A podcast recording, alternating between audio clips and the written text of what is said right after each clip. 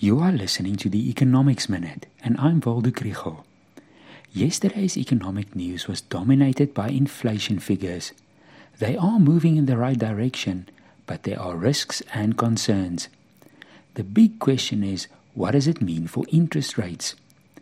This episode is supported by Economic Research Southern Africa and the NWU Business School. The good news is that the inflation rate decreased to 6.9% in January. The bad news is that this can be mainly attributed to the drop in fuel prices in January. Subsequently, Brent crude oil remained around $85 a barrel, but the rand dollar exchange rate is now weaker. January's relief may disappear in March.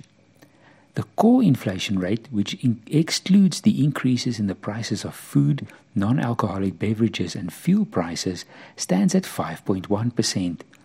But this and services inflation are slightly higher from December to January. Food price inflation is almost 14%, and load shedding is to blame.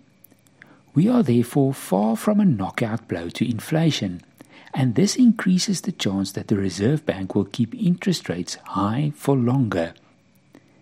Is there some hope somewhere? One piece of it is that the extent to which exchange rate movements pass through to the domestic inflation rate.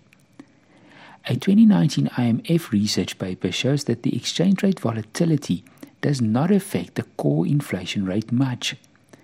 Another bit of hope concerns the so called base effect in the calculation of the inflation rate.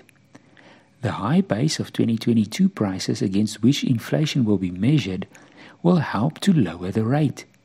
For example, if the price rises by 10 rand from 100 rand to 110 rand, the rate of increase is 10%.